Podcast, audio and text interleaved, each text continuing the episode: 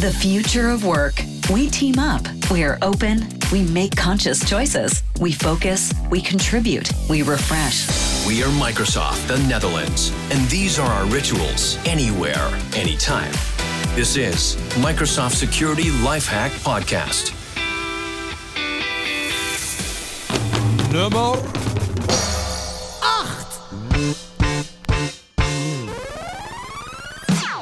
Microsoft Security Lifehack Podcast. Daar zijn we weer. Gezellig. Leuk dat jullie aanschuiven weer voor eh, aflevering nummer 8. En we zagen net al even eh, de intro. Mocht je meekijken via YouTube, dan zie je ook de intro voorbij komen. Eh, we gaan het weer hebben over de basismaatregel. Dit keer weer een nieuwe bas- basismaatregel. Erik, jij bent er ook weer gezellig. Ja, leuk.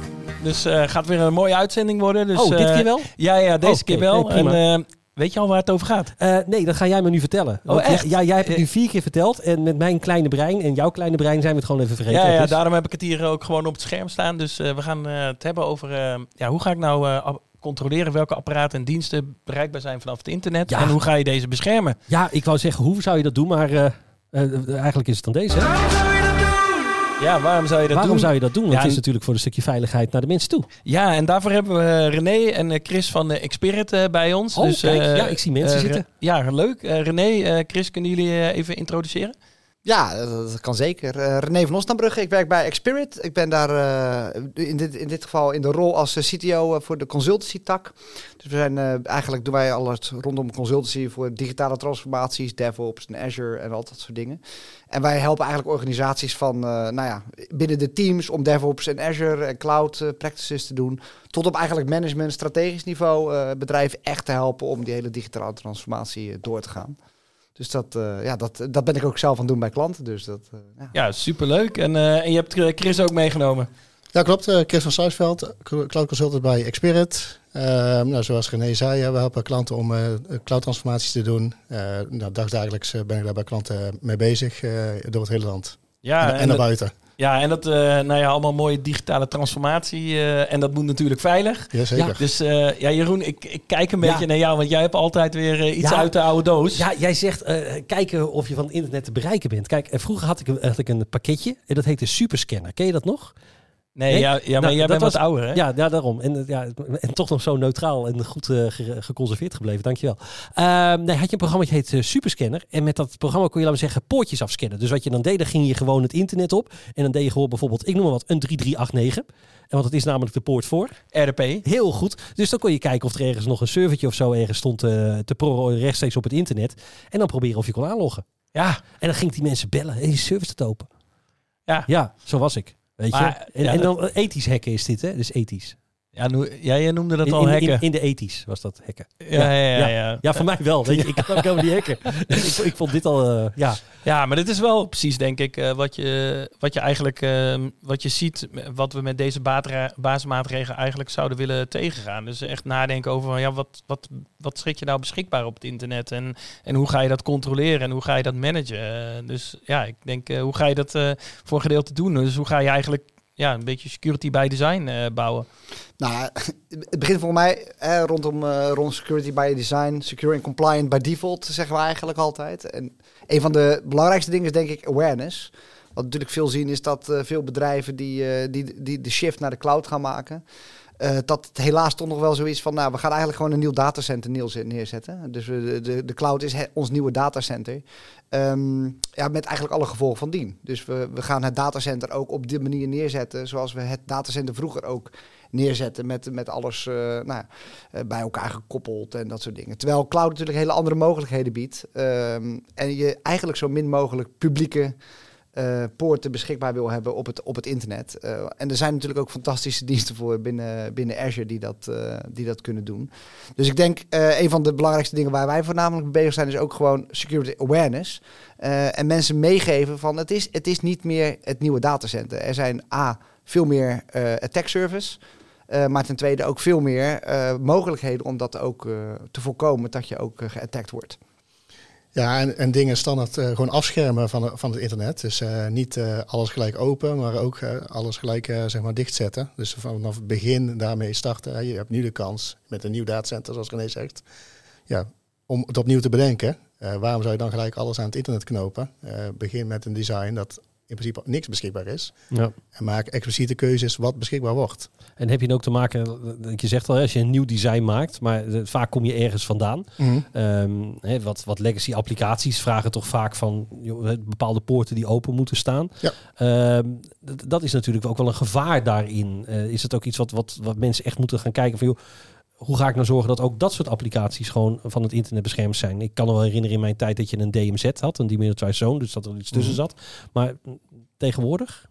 Ja, dat, soort constructies komen nog steeds eh, terug. Hè. Dus als je ook in Azure weer dat soort la- gelaagdheid maakt. Met, ik heb een, een frontdoor bijvoorbeeld als Azure dienst die het eerst afschermt. En daarna ga ik pas een datacenter in. Of misschien blijft de legacy applicatie wel achter in het je eigen datacenter. En dan heb je nog een aantal lagen, misschien ook met een VPN of nog een andere firewall appliance die daar nog tussen zit. Die het ook nog eens een keer beschermt. Dat, Ja. je, niet, dat je niet zozeer zegt, ik ga die legacy applicatie proberen op dezelfde manier in Azure beschikbaar te maken of in de cloud. Maar dat je zegt, die laat ik gewoon achter. Ja. Tenzij ik een nieuwe versie heb die wel veilig is of die op een betere manier te ontsluiten is. je zegt inderdaad, terwijl ze wel veilig zijn. Want bij default, ehm, eh, applicatiemakers, kijken ze daarnaar? Of eh, wordt dat beter in de loop van de jaren? Zeggen, ga alleen deze poort openzetten. Ik kan herinneren dat ik applicatie had die echt een hele ruimschoots aan poorten had naar binnen. eh, wat ik Mhm. open moest zetten om naar binnen te komen. Wordt daarna gekeken? Ehm, steeds meer, maar is ja, afhankelijk van hoe, laat, hoe lang die applicatie al Ja. bestaat. We komen ook bij heel veel klanten die hebben applicaties die zijn al 20 jaar oud. Ja, dan, soms hebben ze nog eens de source code nog eens niet meer. Ja. dan is het van, ja, Ja, oké. wat Jouw leeftijd, hè? Ja, ja, is 20. mijn, ja, ja, ja, ja, ja. ja. Nee, maar ik denk ook wel dat je, wat je ziet, hè, dus ehm, eh, het hele, ja, het gebruiken van heel veel services, hè, die dan die gepubliceerd zijn naar buiten toe of eh, eh, dat soort dingen, is hoe kan je dat een beetje controleren binnen het Azure platform? Dus zijn daar tools voor? Kan je dat, eh, eh, kan je dat meten? Is daar, eh, nou ja, kan je dat scoren? Ja, ik denk dat je dat zeker kan scoren. Hè. Dus eh, denk aan voor, voor inkomend verkeer, denk aan diensten als Frontdoor of Application Gateway, waar je dus kan zeggen, oké, dat is mijn ingang, eh, mijn toegangspoort, of API management als je API's wil aanbieden, eh, of een combinatie van die diensten zelfs. Daar ook je alerting en je, je login goed op hebben staan, die je dan weer zichtbaar maakt, bijvoorbeeld in Security Center of in Azure Monitor. Dat je gelijk ziet wat er gebeurt maar ook diensten als Frontdoor en Application Gateway bieden natuurlijk ook al een firewall aan. Waarin je zegt, nou, de OWASP uh, top 10, die OWASP rules, die worden al geblokkeerd. Daar mag al, dat, dat, dus die baseline hebben we al met z'n allen. Dat je zegt, dat mag al niet meer. En daarna ga ik nog kijken, oké, wat voor exotische dingen komen daarna nog, die ik ook nog dicht wil zetten. Ja, en wat ik zelf ook wel zie bij, bij een klant, uh, waar, waar ook gewoon best nog wel een groot uh, landschap is uh, on-premises. dus applicaties die gebruikt worden on-premises, bijvoorbeeld een, nou, denk aan een topdesk of denk aan een, een, financieel systeem, wat eigenlijk ook wel, wel een webbrowser heeft, maar ja, niet in de cloud zomaar even gedraaid kan worden. Uh, daar gebruiken we bijvoorbeeld application proxy. Ja. Uh, dus we geven eigenlijk, uh, daarmee geef je eigenlijk aan, mensen authenticeren gewoon met een Azure Active Directory. Dan draait een kleine applicatie on-premises. En eigenlijk daarmee ja, maak je eigenlijk één specifiek poortje beschikbaar via het internet. Dus mensen gaan gewoon naar een publieke URL. Maar via, de, nou ja, via, via die Azure Application Proxy word je dan secure naar de applicatie geleid. Dus je maakt wel gebruik van je on-premises applicatie. Maar het is vrij transparant voor de gebruiker. En het is helemaal gecontroleerd, uh, het verkeer daarmee. Dus daarmee krijg je best wel een mooie mo ja, tussenschakel. Uh, als je nog niet helemaal in één keer helemaal volledig in de cloud draait. Ja. Ja, en ik denk uh, als je kijkt, is als je, uh, ik denk dat ook heel veel, nou ja, we hebben het nu uh, vooral over overheidsland. Hè. We hebben een aantal richtlijnen waar ze aan moeten voldoen, onder andere de bio. is, hoe gaan jullie daar als, want jullie zitten ook veel bij overheid, hoe gaan jullie daarmee om? Hoe controleren jullie dat? want daar zit ook heel veel van dit soort. Ja, nou ja, wat je natuurlijk in de bio ziet, uh, zoals eigenlijk ieder compliancy uh, framework. Uh, ik, ik, zeg altijd compliancy framework bewust, omdat het wordt nog wel eens verwaard dat op het moment dat je een, een bio of een ISO implementeert, dat je ineens secure bent. Dat is absoluut niet zo. nee, hè? nee. Security is geen compliancy en andersom. dus wat eigenlijk belangrijk is, we pakken security als het uitgangspunt. En daarmee worden we nou, grotendeels compliant. Uh, maar als je compliancy als uitgangspunt maakt, word je niet automatisch secure. Dus daarin proberen we al een, een, switch te maken. En het bio-framework, daar zie je natuurlijk, uh, zoals alle anderen ook, een organisatorisch deel en een technisch deel. Um, nou, wat je in het uh, technische deel ziet, is dat we... Nou, voorheen deden we eigenlijk de biocontrols... eh, mappen op veel controls die bijvoorbeeld in ISO of in eh, PCI of in SOC zaten. Ja. Eh, daar zag je eigenlijk een mapping van, nou, oké, als we nou dit van PCI pakten en dit van de ISO pakten, dan voldoen we aan deze bio-control. Bio is eigenlijk een ISO 2, eh, 27001 eh, plus nog wat extra's, wat iets specifieker, eh, best wel specifiek gemaakt, eh, ook implementatiedetails. En wat je eigenlijk sinds kort ziet, ik denk sinds een maand of drie, heeft voor mij Microsoft ook op GitHub nu een bio eh, policy set vrijgemaakt. Wat eigenlijk inderdaad die samenstelling is uit die verschillende andere frameworks. Waarbij je eigenlijk in Security Center nu kan zeggen, ja, ben ik bio-compliant? Eh, dat is natuurlijk maar een deel. Het zegt alleen iets over de technische eh biocompliancy. Het zegt niks over je processen en dat soort dingen die je ook in orde moet hebben. Maar het geeft in ieder geval inzicht in alle Azure-diensten die je hebt draaien. Voldoen die ook aan de biocompliancy zoals die eh, staan beschreven? Zo bijvoorbeeld, zijn mijn storage accounts secure? Heb ik maar maximaal zoveel owners op mijn subscription, et cetera, et cetera. Dus al die technische dingen die je ook kunt checken. Ja, het, is, het, het was wel mooi om te zien hè, dat het echt een, een hand in hand eh, met elkaar gaat. Hè. Dat je kan zeggen van hey, wa- wa- wat, wat mag wel, wat mag niet. Eh, wat, wat zijn de regels die voorgeschreven staan. Ehm, ik kan me ook voorstellen dat, dat je soms als eh, ja, laat ik het anders zeggen. Gaat het gebeuren dat, dat je bepaalde applicaties hebt die moeten naar de buitenkant staan, maar worden dan aangevallen? Kan je er altijd wat tegen doen? Kan je, kan je altijd dingen uitsluiten, updates en, en dat soort zaken? Wat, wat is nou de meest gangbare eh, vorm van aanvallen op devices waar je iets tegen zou kunnen doen?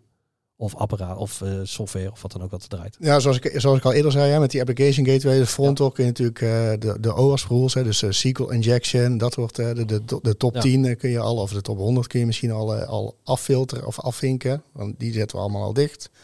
Ehm, helaas leert de ervaring dat soms applicaties ook dat soort trucjes juist gebruiken om te werken. Dus dat Ja. als je dat dan dicht zet, dat de applicatie ook opeens ook niet meer werkt. Dus soms eh, vereist dat ook nog wel een applicatieaanpassing.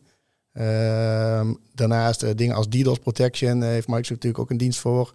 Om dat soort grote aanvallen af te, af te vlakken. Dat is natuurlijk ook het voordeel van dat soort cloud providers gebruiken. Ja, inderdaad. Die hebben de capaciteit om dat op te vangen. In je eigen datacenter gaat het nooit lukken. om, dat, om dat soort aanvallen af te schermen. Ehm, ja, en verder is er inzicht in, die, in wat er precies gebeurt op, de, op, eh, op je endpoints. Dat is denk ik het belangrijkste. Ja.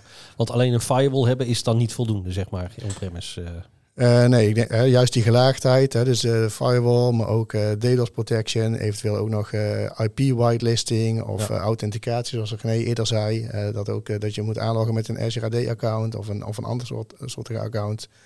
Dat, dat soort gelaagdheid. Dus niet, ver, niet vanuit gaan dat één ding genoeg is, maar juist meerdere, die Ja, meerdere laagjes. En ik, ik denk ook op het identity stuk kun je daar ook nog wel wat in doen. Hè? Dus je kunt bijvoorbeeld zeggen van, nou ja, we hebben mensen die, eh, die meer beheerdersrollen hebben. Dus die hebben per, per default altijd meer rechten. Eh, maar diensten zoals bijvoorbeeld eh, PIM, Privileged Identity Management. Daarmee kun je ook gewoon zeggen, ja, niemand heeft rechten. En dat is ook hoe we het meestal inrichten. Niemand heeft rechten. Read-only misschien, ehm, maar in principe niemand. En als je wat wil, dan zou je het aan moeten vragen. Ehm, nou, wat we bij onze huidige klanten bijvoorbeeld doen, is dat je op de non-prot omgevingen, dus waar geen eh, productiedata staat, eh, waar in principe niet zoveel stuk kan, daar mag iedereen rechten aanvragen en mag je jezelf goedkeuren. Dus daarmee zeg je eigenlijk, we, creëren wel een audit trail. Dus we zien wel wie er iets aanvraagt en wie er dan ook iets doet. Eh, maar op de, op de wat hogere omgevingen, de prot-omgevingen, kunnen we bijvoorbeeld zeggen: nee, je moet altijd approval krijgen van een teamgenoot of van de product owner of nou, van wie je dan ook in je organisatie daar eh, bevoegd toe vindt om, eh, om je rechten te geven. Zodat je in ieder geval, ja, al heb je toegang verschaft tot, tot iets, heb je nog steeds geen rechten en zal je nog een slag door moeten maken. Dus ook op dat stuk kun je best wel veel dingen doen die on-premises helemaal niet zo simpel waren om te doen, maar die nu eigenlijk door middel van eh, inrichting heel eenvoudig te doen zijn. Ja, en, eh, en inderdaad, dat is eh, binnen het cloud-platform zit dat natuurlijk eh, nu ingebakken. Ik denk wel, eh, Chris, volgens mij, als we naar top 3 kijken, hè, wat zijn dan de top drie dingen die je, die je zou moeten doen? Ik hoorde naar René net al, weet je, dat PIM, PIM en Privileged Identity Management, Privileged Access Management, weet je, zijn echt wel dingen. Maar volgens mij, laten we eens een top 3 samenstellen. Wat moet je nou echt doen? Dus welke dingen ga je nu volgen om, om je diensten eigenlijk veilig te houden? Dus volgens mij begon je net met OWASP. eh, Nou ja, de OWASP, eh, checklist, of de OWASP top 10 is natuurlijk een goede lijst om van uit te gaan. Eh, PIM is natuurlijk voor in de cloud. Eh, ik denk eh, eh, ja, zero trust design, dus dat je eigenlijk alles al gelijk afschermt van het internet. En dan bewust gaat kiezen wat je gaat openzetten door middel van een application gateway, een front door of een API management. Ehm, en, en daarop voorbordurend, uh, eventueel een andere Azure dienst die je zou kunnen gebruiken, meer van toegang, zou zijn Identity Protection of Identity Protection Governance. Dat je ook controleert, oké, wie logt er uiteindelijk in? Uh, dus dat je ook ziet, oké, opeens uh, René logt opeens in vanuit Duitsland. Hm, hij is toch bij mij in de studio vandaag. hoe kan dat? Ja. en ook daar iets mee doen. Want er is al heel veel data beschikbaar, denk ik, ook in een cloud platform, wat je gewoon krijgt. Ik denk dat heel veel klanten ook een uitdaging hebben om daar ook naar te kijken en daar ook actie op te ondernemen. Ja, ik denk dat mooi. Ja, dat is een goede wat je zegt. Dus je triggert me er wel mee, hè, omdat ik denk van, zeker deze tweede die je nou uh, noemt, um, is van, je kan door middel van de cloud kan je dus ook je on-premise heel goed beschermen. Daardoor. En dat is natuurlijk wel een hele fijne. Dat, dat je gewoon niet afhankelijk bent dat je heel veel hardware naar binnen moet gaan slepen. Maar dat je gewoon door middel van software eigenlijk heel erg veilig kan zijn. Ja, ja zeker. Zeker. Maar ja, de uitdaging is wel ook om naar die logging allemaal te kijken en al die systemen. Ja. Uh, en daar ook actie op, op te ondernemen. Ja. Uh, dus dat je ook weet van oké, dit is inderdaad René die nu even in Duitsland is. In plaats van dat er, uh, dat er ja, iemand anders... en, en daarvoor hebben we ook een aflevering gemaakt over logging. Ja, ja klopt. Oh, nee, ja, en, ja, dus die is echt superleuk. Maar ik vind het ook wel grappig. we, moeten, we moeten nummer drie nog, hè? We moeten doen. Oh, oh ja, nummer drie. Oh, ja, ja, oh, dus ja. nee, dan stel, dan stel ik mijn vraag nog heel even uit. Ja, en de derde waar je dan zou denken? Uh, even kijken, de derde waar je aan zou denken. Uh, Jullie bellen. Ja, ons bellen. Ja, dat, dat, dat is bellen. Nee, maar kijk, we hebben het ook over uh, bescherming van apparaten. Hè. Ja. Je hebt natuurlijk ook uh, Defender, uh, endpoint protection. Dus op de devices zelf wil je misschien ook nog wel wat doen. Ja. Um, en endpoint protection zorgt dan ook weer voor dat alle data die je dan op zo'n apparaat, dat wordt weer netjes anoniem in de cloud neergezet. Waardoor je weer informatie krijgt over wat er allemaal gebeurt. Waardoor je ook weer dingen kunt beperken tot toegang. Dus, dus ook de devices zelf moet je natuurlijk wel beveiligen. En uh, nou ja, dingen als bijvoorbeeld uh, MAM, hè, dus uh, application, of, ja, application management en die andere device management. Device management. nou, dat soort dingen kun je op de devices zelf natuurlijk mooi gebruiken om in ieder geval ervoor te zorgen dat je niet Jan en Alleman op, de, op, ja, op, op, je, op je omgeving zit als je daarmee te maken hebt. Ja, en ik denk dat Chris net, volgens mij had hij al een verborgen nummer drie, want hij had het echt over zero trust. En ehm, ik denk wel dat ja, het is wel grappig, want veel mensen zien Zero Trust of de principes daarvan heel erg aan de, aan de werkplekzijde. Maar eigenlijk moet je dat ook helemaal doorvoeren naar je, naar eigenlijk je dienstverlening of je diensten die je aanbiedt op internet. Als je daarvoor zorgt dat het gewoon allemaal het Zero Trust framework uh, uh, omarmt, dan, ja, dan heb je eigenlijk zo'n geïntegreerd uh, security platform. Ja, ja, zowel voor interne diensten als voor externe diensten datzelfde principe hanteren. Um, volgens mij uit onderzoek is ook gebleken volgens mij dat 70% van de aanvallen in, vanuit intern komt. Dus ook, uh, ook daar wil je niet van uitgaan dat iedereen te vertrouwen is die zomaar op jouw uh, landschap zit, uh, medewerkers of andere mensen die zich aanmelden. Ja, nee, Erik komt bij mij niet op het netwerk thuis. Hoor. Dat is, nee. nee, echt, laat ik hem ver van weg. Nee, maar ik weet wel waar je Amstel Breit staat. Dus, dat is waar. dat, is, dus, dat heeft hij al. Ja, dus ja, daar hoef ik niet voor op het netwerk te zitten. Dus, ja, we komen al langzaam richting het einde. Echt? Echt waar. Het, gaat, zo snel. gaat zo snel. Ja. Dus uh, ja, ik, ik ben wel benieuwd als je nou meer wil weten. Ja, ik ook. Dus uh, ja, René, uh, Chris, als we nou meer willen weten van hoe doen we dit allemaal... of andere dingen binnen het Azure-platform... hoe kunnen we jullie contacten? Nou ja, je kunt ons altijd contacten via, nou ja, via onze website. Ik denk dat dat het makkelijkst is. Hè? Dus expirit.com. nou, daar staan sowieso wij met naam en toenaam en alles erop en eraan staan wij genoemd. Dus als je ons specifiek wil spreken, kun je ons vinden. Je kunt ook een mail sturen, LinkedIn, Twitter. Microsoft bellen, die weet ons ook ongetwijfeld wel te vinden. Dus, TikTok. Ja, TikTok. Nee, TikTok, TikTok, TikTok dan weer niet, okay. zeg maar. Ja. Wij zijn ook alweer wat ouder, hè. Dus. Ja, ja, Oh, en ehm, ja, Jeroen, jou de volgende... Als ik nou meer over dat Security Lifehacks wil weten ja, dan ga je campagne. Naar, ja, dat kan. Dan ga je naar aka.ms slash security lifehacks. Ik herhaal aka.ms slash security lifehacks. En daar, uh, daar vind je alle informatie. Daar vind je de whitepaper uh, waar we mee bezig zijn. Vind je de webinars. Dan vind je de rest van de podcast. Eigenlijk vind je er alles wat je zou willen weten rondom Microsoft Security. Ja, super gaaf. En ja. Uh, ja, dit zou eigenlijk de laatste... Ja, ik, ik heb mijn, mijn, mijn tissues al klaarstaan inderdaad. Want ja. dit is nummer 8, de laatste basismaatregel. Ja, maar uh, ja, Microsoft zou Microsoft natuurlijk niet zijn als we nummer 9 verzonnen hebben. Nee. Dus, uh, ja, het dus, voelt een beetje als Windows 98 Second Edition. Die ja, ja, ja, ja. Dus, dus NCSC heeft acht basismaatregelen. Maar vanuit Microsoft vinden wij de e-mail security toch ook heel erg belangrijk. Ja, En eh, dus we, we hebben nog een nummer 9. Dus Nee. ja, ja, we gaan er nog één opnemen. dus ik kan niet blijven zitten. Ja, je kan blijven zitten. Oh. En eh, dus eh, ja, ja, de emotionele uitzending komt hierna ja, die pas. komt hierna. Nee, goed dat ik het weet. Dan hou ik mijn tranen nog even waar ze zijn op dit moment. Dan wil ik Chris, René ontzettend bedanken voor jullie tijd en aandacht en, en kundigheid wat jullie hier hebben tentoongespreid. Wil je meer weten, ga naar xspirit.com. Daar vind je alle informatie over dit soort beveiligingen en nog meer Azure perikelen die jullie kunnen behandelen. Ehm nou, dan zie ik jou straks weer terug eh, voor Ja. nummer 9. Gezelligheid, dankjewel. Thanks for listening to our podcast. We are Microsoft the Netherlands.